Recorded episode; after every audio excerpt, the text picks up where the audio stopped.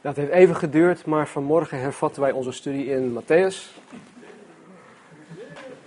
ik moet zeggen dat ik me ontzettend heb verheugd op uh, het gedeelte waar wij vanmorgen naar gaan kijken. Want het is, een, ja, het is een geweldig stuk dat ons oneindig veel hoop en zekerheid kan geven. Mits je je ervoor openstelt. Dus laten we onze Bijbels openslaan op Matthäus hoofdstuk 17.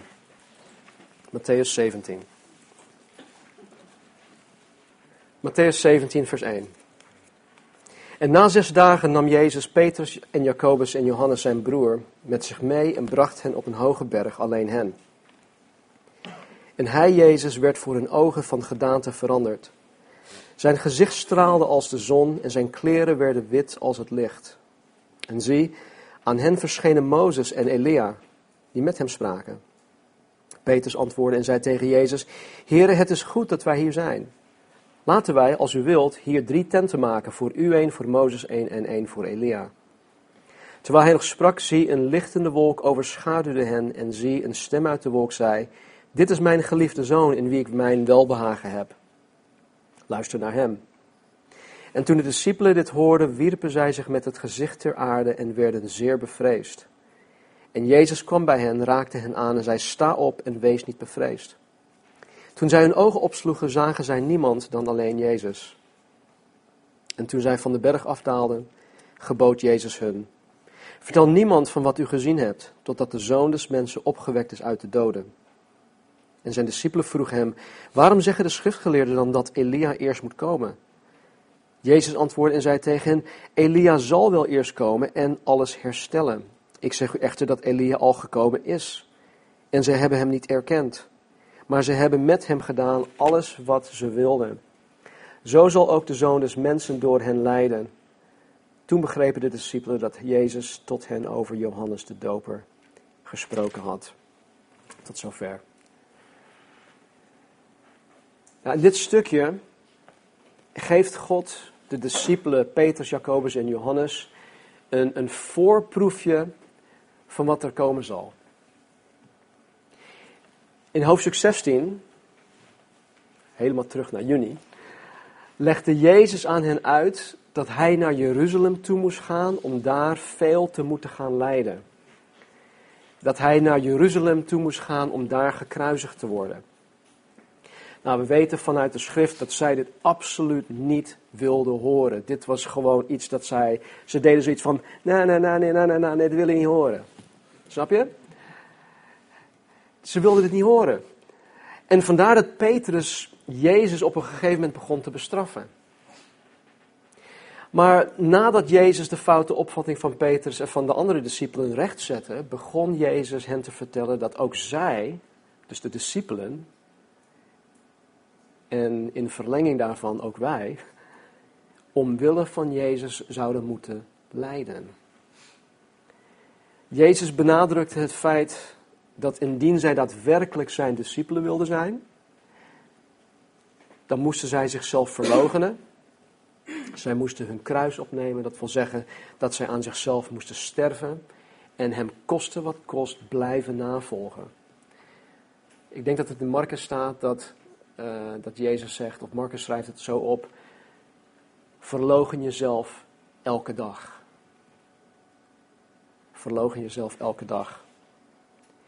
Jezus vereiste van zijn discipelen een, een totale overgave. Hij zei niet, oké, weet je wat, als je mij komt navolgen, dan, dan moet je zondags voor twee uurtjes naar de kerk toe. Misschien ook op een door de weekse, samen, uh, door, door de weekse samenkomst moet je bijwonen. Misschien moet je ook nog wel wat dingetjes doen. Maar dat is genoeg.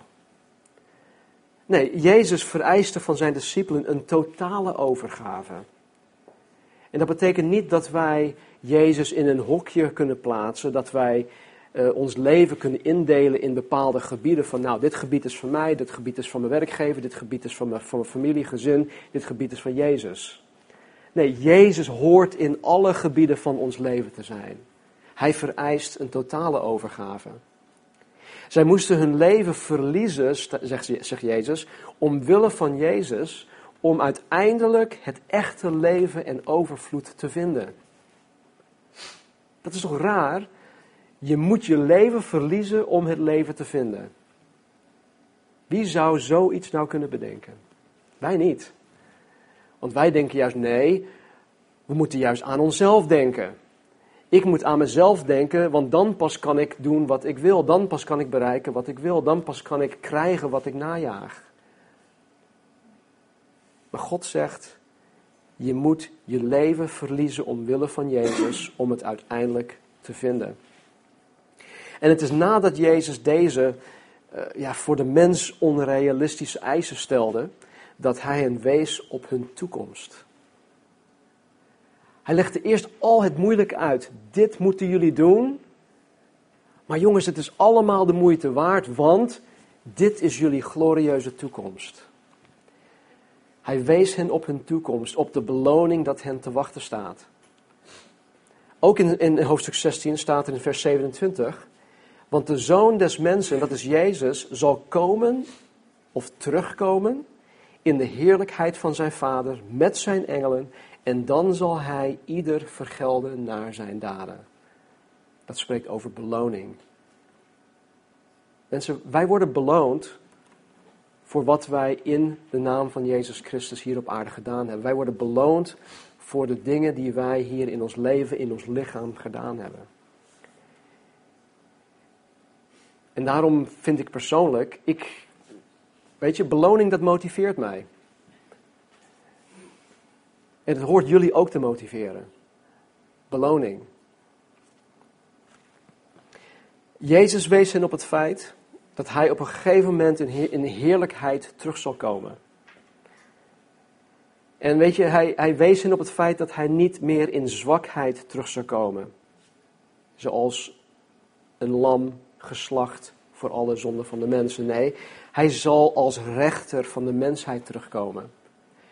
En hij zal een ieder vergelden naar zijn daden. En dat is nu nog toekomstig. Eerst komt het kruis.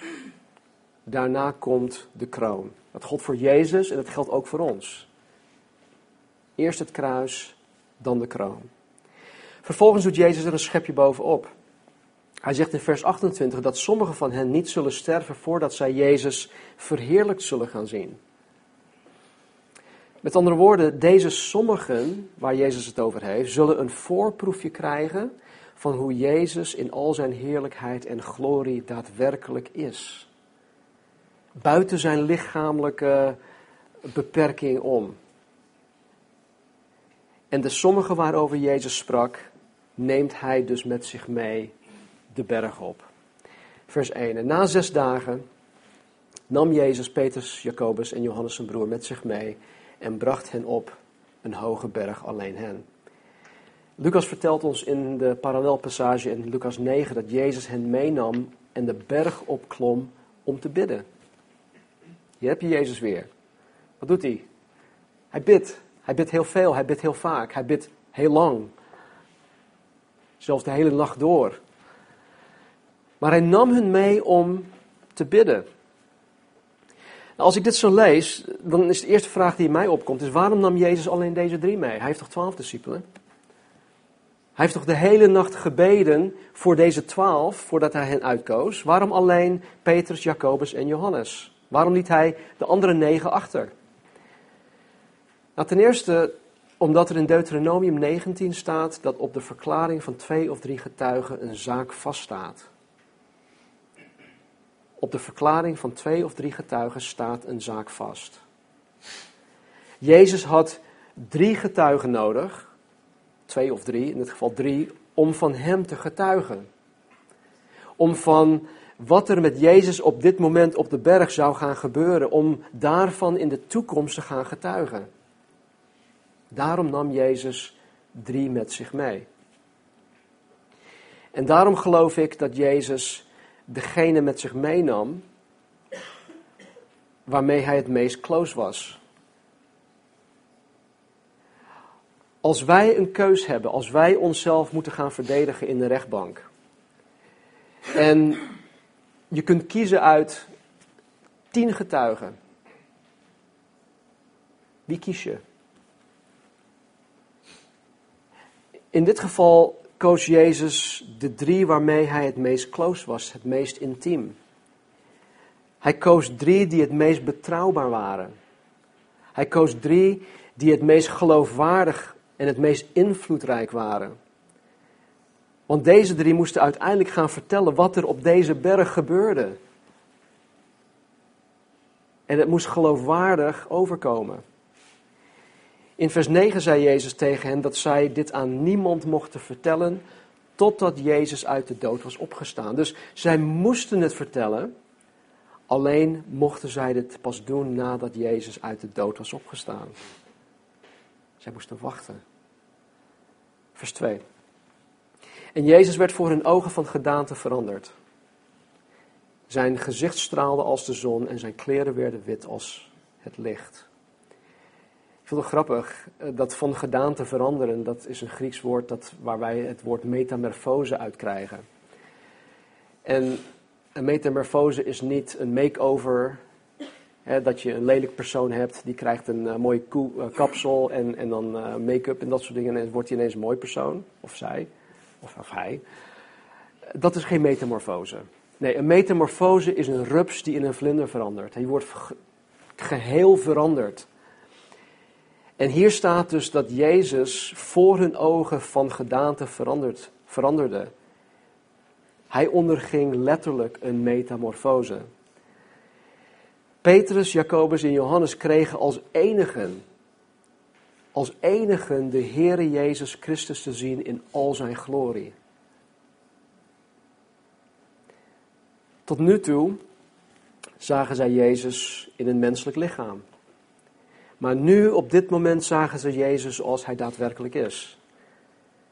Ze kregen Jezus te zien in en met de glorie en heerlijkheid die Jezus had voordat hij naar de aarde toe was gekomen als Maria's kindje. Weet je nog, in Johannes hoofdstuk 17, in het hoogpriestelijk gebed, spreekt Jezus tot God de Vader over de glorie die hij samen deelde met God de Vader. En zo zagen zij Jezus. Ze kregen Jezus te zien zoals hij in glorie en heerlijkheid terug zal komen bij zijn wederkomst. Zoals Jezus in Openbaring 1 omschreven wordt. En er staat in, in uh, Openbaring 1, 14 tot en met 16 dit. Zijn hoofd en haar waren wit als witte wol, als sneeuw. En zijn ogen waren als een vuurvlam. Zijn voeten waren als blinkend koper, gloeiend gemaakt in een oven. En zijn stem klonk als het geluid van vele wateren. En zijn gezicht was zoals de zon schijnt in haar kracht. Ongetwijfeld heeft God de Vader en Jezus dit aan hen laten zien om hen te bemoedigen. Ik geloof dit echt. Vergeet niet dat zij zelfs op dit moment nog zo graag wilden dat Jezus nu op dat moment al zijn koninkrijk, koninkrijk zou gaan vestigen. En ze namen, ze namen als het ware genoegen met een politieke Messias die hun uit de greep van de bezettingsmacht van Rome zou redden. Ze namen als het ware genoegen met een sociale Messias die in hun noden zou kunnen voorzien die hun ziekte kon genezen, die hun kon voeden, die hun onderdak zou kunnen bieden. En, en daarop was hun hoop gevestigd. Zie je, die, die discipelen die waren niet, niet anders dan wij, wij zijn. Zij maakten zich druk om de alledaagse dingen. Onderdak, kleding, eten, genezing, nou, wij hebben de medische wereld en ziektekostenverzekering. Maar zij maakten zich druk om dezelfde dingen. En zij stelden hen hoop op een Messias die al die dingen hen kon bieden. Maar wetende dat de discipelen zwaar ontmoedigd werden toen Jezus hen begon uit te leggen dat Jezus naar Jeruzalem toe moest gaan om daar te lijden, om daar gemarteld te worden, om daar gekruisigd te worden, wilde Jezus hen hoop en zekerheid geven. En dus ligt Jezus hier het tipje van de sluier op om hen een glimp te geven van hoe het zal zijn wanneer Jezus samen met hen in zijn koninkrijk zullen gaan regeren. Het gaat hier om dat, dat zij Jezus zien in alle werkelijkheid. En voor deze drie discipelen was het essentieel dat zij Jezus zo zagen. En weet je, voor ons is dat ook zo. Wij moeten Jezus in al zijn macht en al zijn glorie en al zijn vermogen zien. Want anders hebben wij een, een, een ontoereikende God.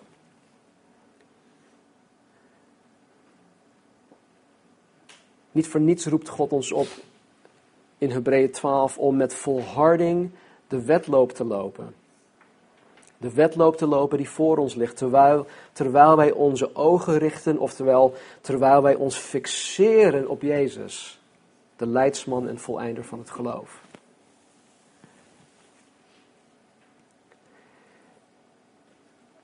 Ik weet niet of jullie ooit hengelen. Ik hou zelf van, uh, van het vissen in de zee, want daar, ja, dat is veel, veel spannender. Je hebt grotere vissen. En het is gewoon heerlijk om een, om een vis aan de lijn te krijgen en die dan gewoon behoorlijk vecht en de lijn gewoon trekt en de hele hengel gebogen staat. Ik, ik hou niet zo van die, die lange bamboehengels met een dobbertje en zo, maar goed. Um, als je aan het vissen bent, dan let je heel goed of op de dobber of op de punt van je hengel. Of je hebt de lijn in je hand en je, je bent zo gefixeerd op wat er aan het eind van die lijn gaat gebeuren. Je bent echt geconcentreerd bezig. En ik geloof dat wat de schrijver van Hebreeën hier ook bedoelt, is dat wij met volharding de wedloop lopen die voor ons ligt, terwijl wij ons fixeren op Jezus, de leidsman en voleinder, voleinder van het geloof. Dat wij zo geconcentreerd bezig zijn met Jezus. Wij moeten op Jezus blijven zien. Anders redden we het niet. We redden het echt niet. Zij hebben de verheerlijkte Jezus gezien. En vandaar dat zij hierover kunnen schrijven. Peter schrijft in 2 Petrus 1 dit. Wij, dus Petrus en de andere discipelen, zijn geen kunstig bedachte verzinsels gevolgd. Toen wij u de kracht en de komst van onze Heer Jezus Christus bekend maakten. Maar wij zijn ooggetuigen geweest van zijn majesteit, want hij heeft van God de Vader eer en heerlijkheid ontvangen toen een stem als deze van de verheven heerlijkheid tot hem kwam. Dit is mijn geliefde zoon in wie ik mijn welbehagen heb. En deze stem hebben wij gehoord toen deze vanuit de hemel kwam, terwijl wij met hem op de heilige berg waren. dus Jezus of Petrus denkt weer terug naar dit moment en hij schrijft om ons te bemoedigen. Om zijn, zijn lezers te bemoedigen. Hetzelfde met Johannes. In het Johannesevangelie, hoofdstuk 1, vers 14. Johannes zegt, en wij hebben zijn heerlijkheid gezien. Een heerlijkheid als van de enige geborene van de Vader. Nogmaals, Petrus en Johannes waren ooggetuigen van de, heerlijk, van de verheerlijkte Jezus. En zij getuigden van Jezus om hun lezers te bemoedigen, maar zij getuigden ook van Jezus om ons te bemoedigen, om ons vandaag hoop en zekerheid te geven. Vers 3, en zie, aan hen verschenen Mozes en Elia, die met Jezus spraken. Dit verhaal komt voor in Mark, ook voor in Marcus en in Lucas. En in de parallelpassage in Lucas staat dat er twee mannen met Jezus spraken. Dus Petrus, Jacobus en Johannes zagen twee mannen, dus mannen, met Jezus spreken. En het waren Mozes en Elia. Ze verschenen als mannen in heerlijkheid en spraken over Jezus heen gaan dat Jezus zou volbrengen in Jeruzalem.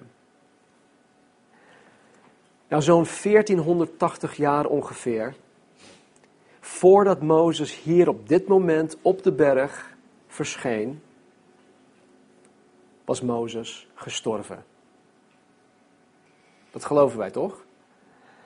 In Deuteronomium 34:7 staat: Mozes nu was 120 jaar oud toen hij stierf. Hij stierf. In Jozua 1, 1 en 2 staat: Het gebeurde na de dood van Mozes dat de Heer tegen Jozua zei: Mijn dienaar Mozes is gestorven. Dus voor alle duidelijkheid, Mozes is gestorven. Hij was echt gestorven. Zo'n 900 jaar voordat Elia hier op dit moment aan hen verscheen, werd hij door de Heer in de hemel opgenomen. Door God zelf. Opgenomen. Lees 2 Koningen, hoofdstuk 2. De lichamelijke verschijning van Mozes en Elia is in mijn mening het, het onweerlegbaar bewijs van het leven na de dood. Er is, er is leven na de dood. En het is ook het bewijs van de opstanding van de doden, zoals onder andere Paulus het ons uitlegt in 1 Korinthe hoofdstuk 15. Er is leven na de dood, er is opstanding uit de dood. Bovendien zegt Lucas 20, 38, God nu is niet een God van de doden, maar van de levenden. Want voor hem leven zij allen. Dus op het moment dat ik hier mijn laatste adem uitblaas, dan ben ik niet dood. Er is leven na de dood. Ik leef, ik ga als het ware door een luik van de tijdelijke naar de eeuwigheid toe. En dan is het aan mij wat ik met Jezus gedaan heb, of ik voor eeuwig in Gods aanwezigheid zal komen, of voor eeuwig afgescheiden zal zijn van God. Maar er is leven na de dood. Nou weet je, ik, ik dacht hierover na en ik moet zeggen, Petrus en Jacobus en Johannes, die waren zo bevoorrecht om dit mee te mogen maken. Ik denk dat, dat wanneer Petrus, Jacobus en Johannes dit naderhand aan de anderen had verteld, dat die anderen waarschijnlijk heel erg jaloers waren geweest op hun. Want zij mochten met Jezus mee naar de berg om hem verheerlijkt te zien worden. Nou, misschien vraag je ook af waarom per se Mozes en Elia daar verschenen. Eh, wie een beetje Bijbelkennis heeft, weet dat wanneer het Nieuw Testament terugwijst naar het Oud Testament, dan wordt er gesproken over de wet en de profeten, oftewel uh, de wet van Mozes en de profeten. Het is zelfs zo dat de eerste vijf boeken van de Bijbel, de Torah, ook de boeken van Mozes worden genoemd.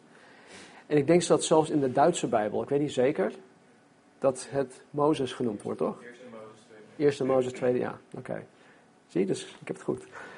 Um, het, het, is, ja, het Joods geloof is gebaseerd op de wet en de profeten.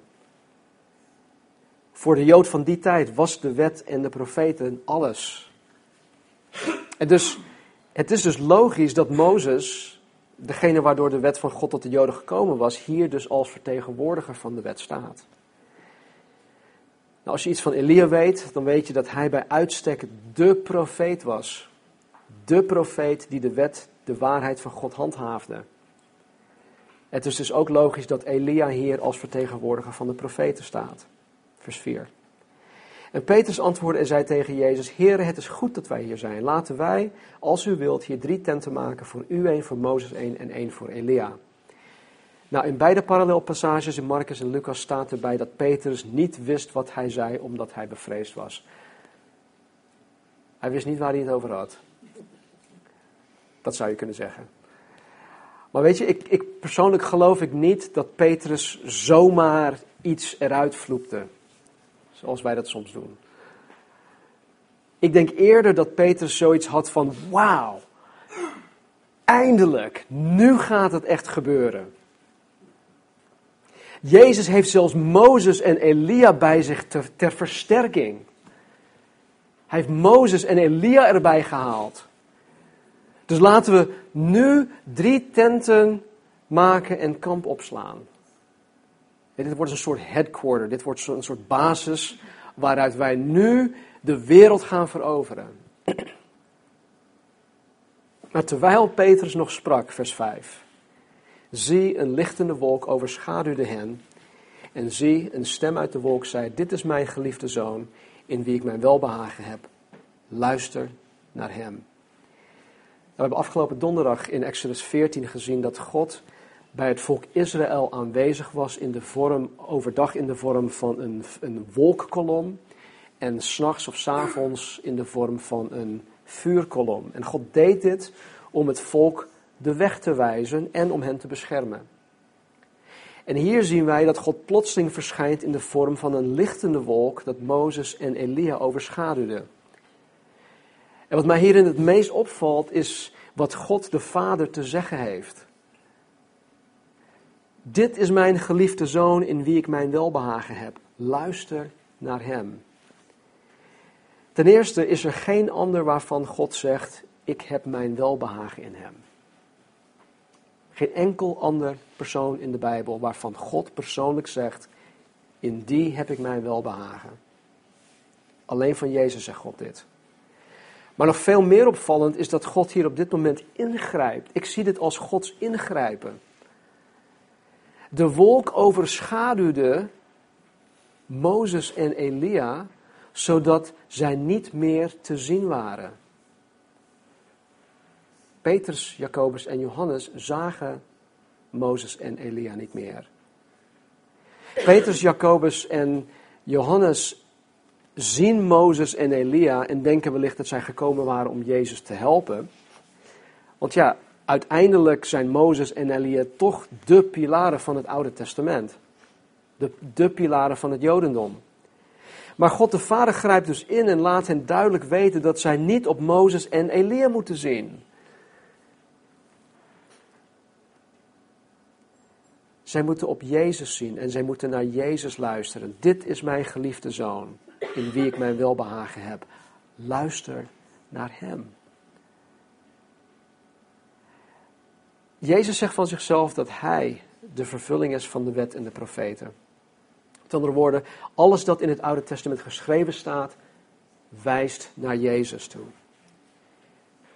In Matthäus hoofdstuk 5, vers 17 zegt Jezus: Denk niet dat ik gekomen ben om de wet of de profeten af te schaffen. Ik ben niet gekomen om die af te schaffen, maar te vervullen.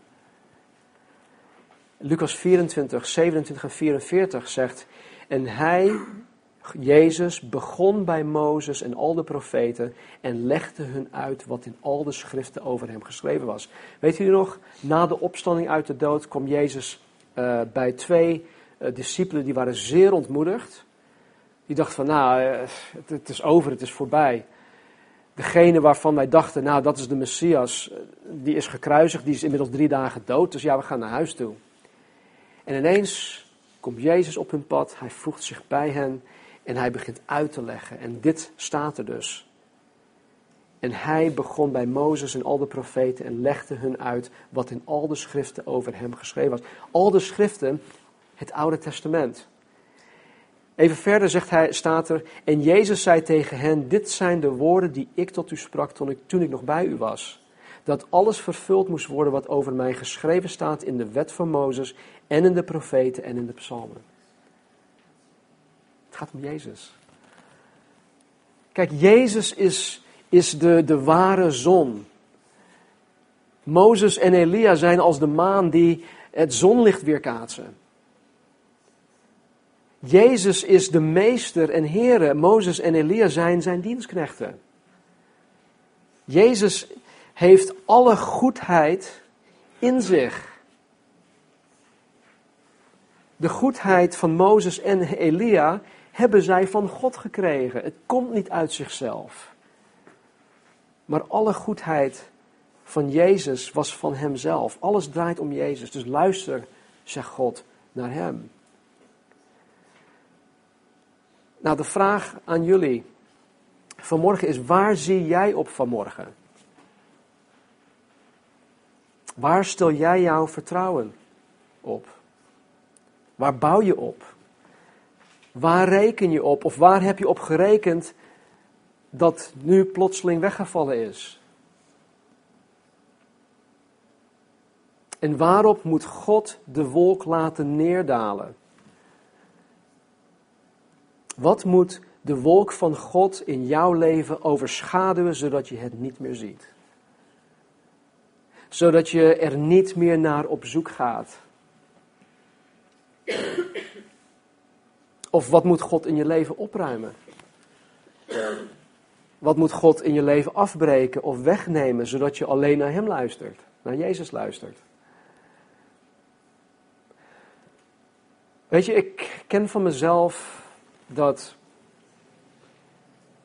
als alles goed gaat, als alles meezit, dan ben ik zo gauw geneigd om minder naar Jezus te kijken. Minder naar Jezus te luisteren.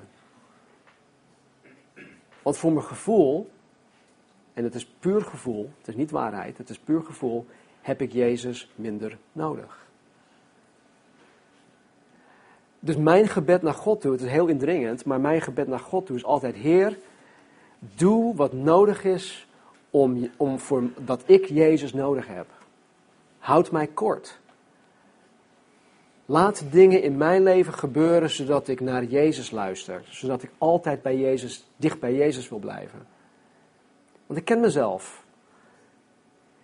En als ik een beetje ruimte krijg, als het een beetje goed gaat, als het voor mijn gevoel een beetje lekker gaat, ja, dan nou, dan heeft Jezus minder aandacht of krijgt hij minder aandacht van mij. En meer aandacht gaat naar andere dingen. Mijn eigen dingen. En toen de discipelen dit hoorden, vers 6, wierpen zij zich met het gezicht ter aarde en ze werden zeer bevreesd. Jezus kwam bij hen, raakte hen aan en zei: Sta op, wees niet bevreesd. En toen zij hun ogen opsloegen, zagen zij niemand dan Jezus alleen.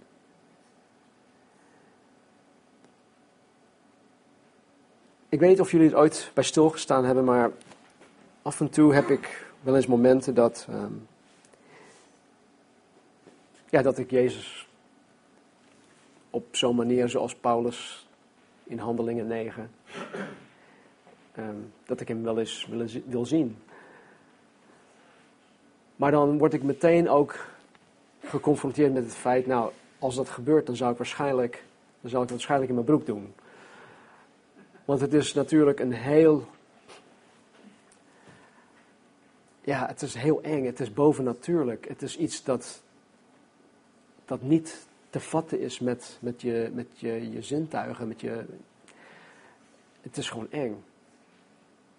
Vooral als je leest hoe hij omschreven is in in Openbaring 1. Ogen als vuurvlammen.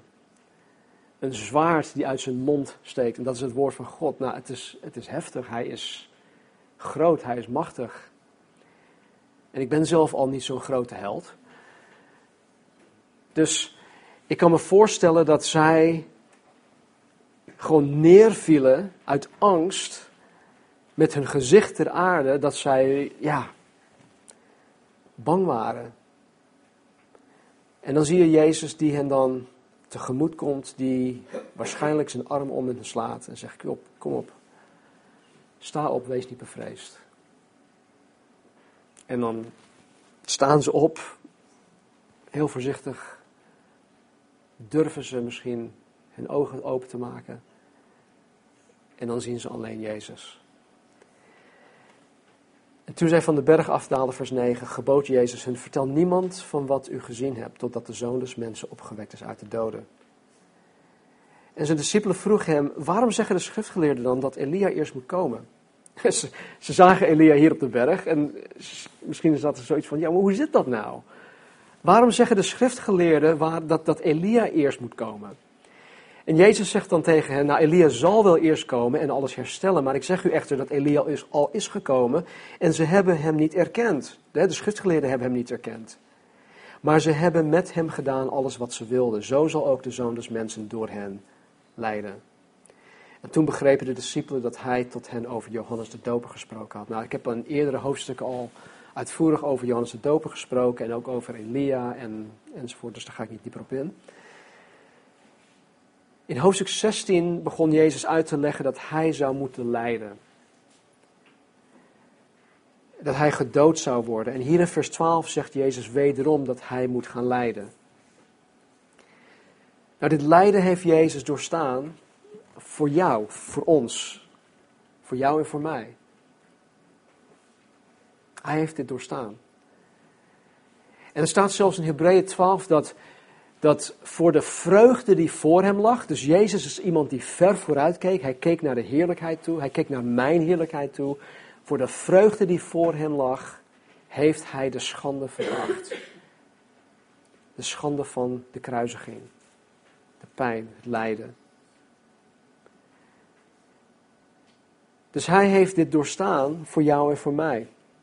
Want weet je, er was geen andere mogelijkheid om de zonde van de mens weg te nemen.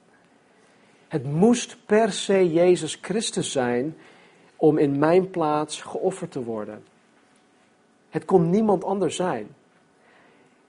In zijn gebed in Gethsemane zei hij tegen de Vader, o Heer, alstublieft, als het mogelijk is, laat deze beker bij mij voorbij gaan. Met andere woorden, Heer, als het mogelijk is om de mensheid te redden, is er een andere mogelijkheid om de mens te redden?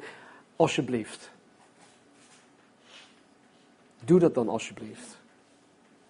Maar door het feit dat Jezus naar het kruis toe is gegaan, zien wij dus ook dat er geen enkele andere mogelijkheid is om ons te redden, om ons vergeving te schenken van onze zonden. Jezus die voordat hij naar de aarde toe kwam, die in heerlijkheid en glorie samen met God de Vader regeerde in de hemel, deze Jezus legde zijn heerlijkheid af om een nietig mens te worden. De verheerlijkte Jezus, de heerlijke Jezus, de glorieuze majesteit Jezus, legde dat allemaal af hij liet, hij verliet de hemel. Hij verliet zijn vader. Hij verliet alles wat hij had. En kwam als een nietig mens naar de aarde toe. En vervolgens legde hij zelfs zijn nietig aards leven af. En hij deed het voor jou en hij deed het voor mij om ons te vergeven van onze zonden, om ons te verzoenen met God de Vader, om de weg te banen voor ons terug naar God de Vader. Om ons eeuwig leven te geven, om Hem te mogen leren kennen, om met Hem te wandelen, om hier een getuige te mogen zijn hier op aarde, om ons eigen leven vervolgens af te leggen, zodat wij anderen kunnen helpen om Hem te vinden. Als de God van hemel en aarde zo ver is gegaan voor jou en voor mij, waarom is het dan zo moeilijk om jouw leven af te leggen voor Hem? En ik stel mezelf die vraag ook. Waarom is het zo moeilijk? Waarom doe ik zo moeilijk?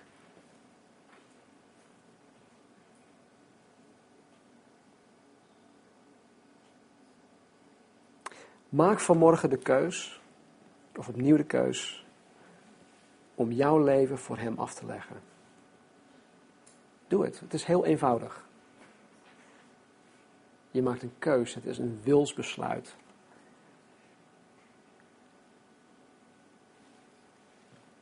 We gaan zo meteen het heilige avondmaal nuttigen.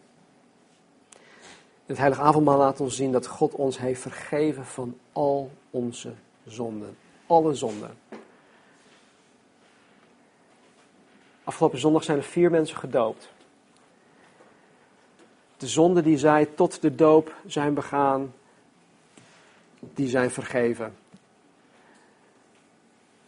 Wat Taco en Willem en Deborah en Martien de afgelopen week na de doop allemaal hebben uitgespookt, ook vergeven. Wat wij allemaal de komende dag, vandaag zelfs, Misschien nu zelfs. Misschien denk je van, oh, schiet nou op. Alle zonden, mensen, alle zonden. Worden ons vergeven door het offer aan het kruis. Dat is toch om te vieren? En weet je, het is niet zo dat wij alleen juridisch vergeven worden, maar God wil dat ons geweten ook gereinigd wordt. Hij wil dat wij de schuldgevoelens niet meer met ons meeslepen. Hij wil ons verlossen van die, van die last. Dus maak vanmorgen de keus om jouw leven voor Hem af te leggen. En waar je voor de zoveelste keer weer gezondigd hebt, waar je voor de zoveelste keer weer het weer verpest hebt, Vraag God vanmorgen om je te vergeven en geloof dat God je ook vergeven heeft. En ga verder. Blijf niet vast in de schuld die Satan jou oplegt. Hij is daar zo goed in. Hij is de aanklager. Hij klaagt je continu aan. Bovendien is vanmorgen weer een nieuwe dag. Je kunt met een schone lei beginnen. Je kunt het verleden achter je laten, waar het hoort. En je kunt er nu opnieuw voor gaan.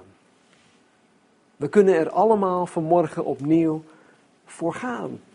We kunnen ervoor gaan. Luister naar Jezus. Hij is verheerlijkt. En ik geloof echt dat Hij spoedig terug zal komen. Ik las van de week iets in de krant dat uh, NAVO tien landen samengeroepen heeft om ISIS te gaan bestrijden. Tien landen. Nederland werd niet gevraagd om mee te doen. En Rutte denkt van, hé, hey, uh, en wij dan? Nee. Um, maar tien landen, dat is, ik denk dat dat wel significant is. Tien landen. Waarom? Omdat Daniel spreekt over tien tenen. Ander verhaal. We weten niet of dit, hoe het allemaal uit zal pakken, maar het blijft interessant. En we moeten waakzaam blijven en we moeten, um, uh, hoe zegt Jezus dat ook alweer? We moeten de tijden en de seizoenen moeten wij leren herkennen. Laten we bidden. Vader, dank u wel dat wij vanmorgen dit geweldig, maar ook weer kort stukje hebben mogen zien, hebben mogen lezen, hebben, hebben tot ons mogen hebben nemen. Dank u wel, Vader, dat u uw Heilige Geest gegeven hebt. Heer, die ons zalft, opdat wij dit mogen verstaan, opdat wij dit mogen zien en snappen en, en toe-eigenen. Maar Vader, help ons alstublieft. Help ons om u te leren gehoorzamen. Help ons, Heer, om Jezus te zien in al zijn glorie en majesteit. En geef ons, Heer, zoals Petrus, Jacobus en Johannes, Heer, ze waren bang. Ze vreesden. Geef mij, Vader, geef in ieder van ons vanmorgen ook een gezonde vrees voor wie u bent. Voor waartoe u in staat bent. Geef ons vanmorgen hoop Geef ons zekerheid. Geef ons vanmorgen ook de zekerheid dat u ons vergeeft van alle zonden. Schenk ons bekering. Help ons om ja, u om vergeving te willen vragen. Laat onze trots ook niet in de weg staan. En help ons, Vader, ook om elkaar te vergeven zoals u ons vergeven hebt. Dus Heer, wanneer we het heilige avondmaal nuttigen, Heer, laat, wij, laten ieder van ons vanmorgen met een schone lei beginnen. Help ons om dingen goed te maken met U. Help ons om vanmorgen te besluiten, om te beslissen om ervoor te gaan. Om een nieuwe start te maken. U biedt het ons aan. Help ons om uw aanbod aan te grijpen met beide handen en nooit meer los te laten. In Jezus' naam dank u wij. Amen. Oké, we gaan zo meteen het heilig avondmaal nuttigen. Terwijl uh, Peter en Martien ons gaan leiden in een aantal liederen. Ik zou zeggen, neem gerust de tijd om vanuit je eigen plek met God te spreken. Zijn er dingen die je aan Hem moet beleiden? Voel je daar vrij in? Jezus heeft voor ons de weg gebaand. We hebben toegang tot de troon der genade. En hij staat daar met beide handen uitgespreid om jou te vergeven. Dus neem de tijd. Wanneer je er klaar voor bent, kom naar voren toe om eh, het heilige avondmaal te nuttigen. Als je om welke reden dan ook wil dat er voor je gebeden wordt of met je gebeden wordt, ik zal in ieder geval hiervoor samen met Maarten uh, gaan staan om voor jullie te bidden. Ehm, misschien kan uh, Gerry ook naar voren komen om met de vrouwen te bidden, als, dat, als uh, jullie dat willen. Maar ga niet naar huis toe zonder gebeden te hebben als je dat wil. Natuurlijk kan je vanuit je eigen plek ook bidden. Maar soms is het fijn om gewoon een hand op je schouder te hebben. En dat iemand anders ervan weet. En dat iemand anders voor je bidt. Voor jou in de bres staat. Paulus zei in 1 Korinthe 11, 23 dit. Ik heb van de Heere ontvangen. Van de Heere. Wat ik u ook heb overgeleverd. Dat de Heere Jezus in de nacht waarin hij werd verraden brood nam. En nadat hij gedankt had, brak hij het en zei: Neem eten, dit is mijn lichaam, dat voor u gebroken wordt. Doe dat tot mijn gedachtenis. Evenzo nam hij ook de drinkbeker na het gebruiken van de maaltijd en zei: Deze drinkbeker is het nieuw verbond in mijn bloed. Doe dat zo dikwijls als u die drinkt tot mijn gedachtenis. Want zo dikwijls als u dit brood eet en deze drinkbeker drinkt, verkondigt de dood van de Heer totdat hij komt. Ik vind het zo mooi wat Paulus hier zegt. Hij zegt, doe dit dikwijls. En dan zegt hij, verkondig de dood van de Heer totdat hij komt. Dus Paulus moedigt ons aan om ook vooruit te blikken. Totdat hij komt. En het heilige avondmaal is, is voor een ieder zo, net als de doop, wat ik tegen de dopelingen vorige week ook had gezegd in Handelingen hoofdstuk 8, Filippus die sprak tot de Kamerling, de minister van Financiën, en hij zei, als jij met heel je hart gelooft dat Jezus de Zoon van God is, dan is het geoorloofd om gedoopt te worden. Nou, dat geldt voor het heilige avondmaal hetzelfde.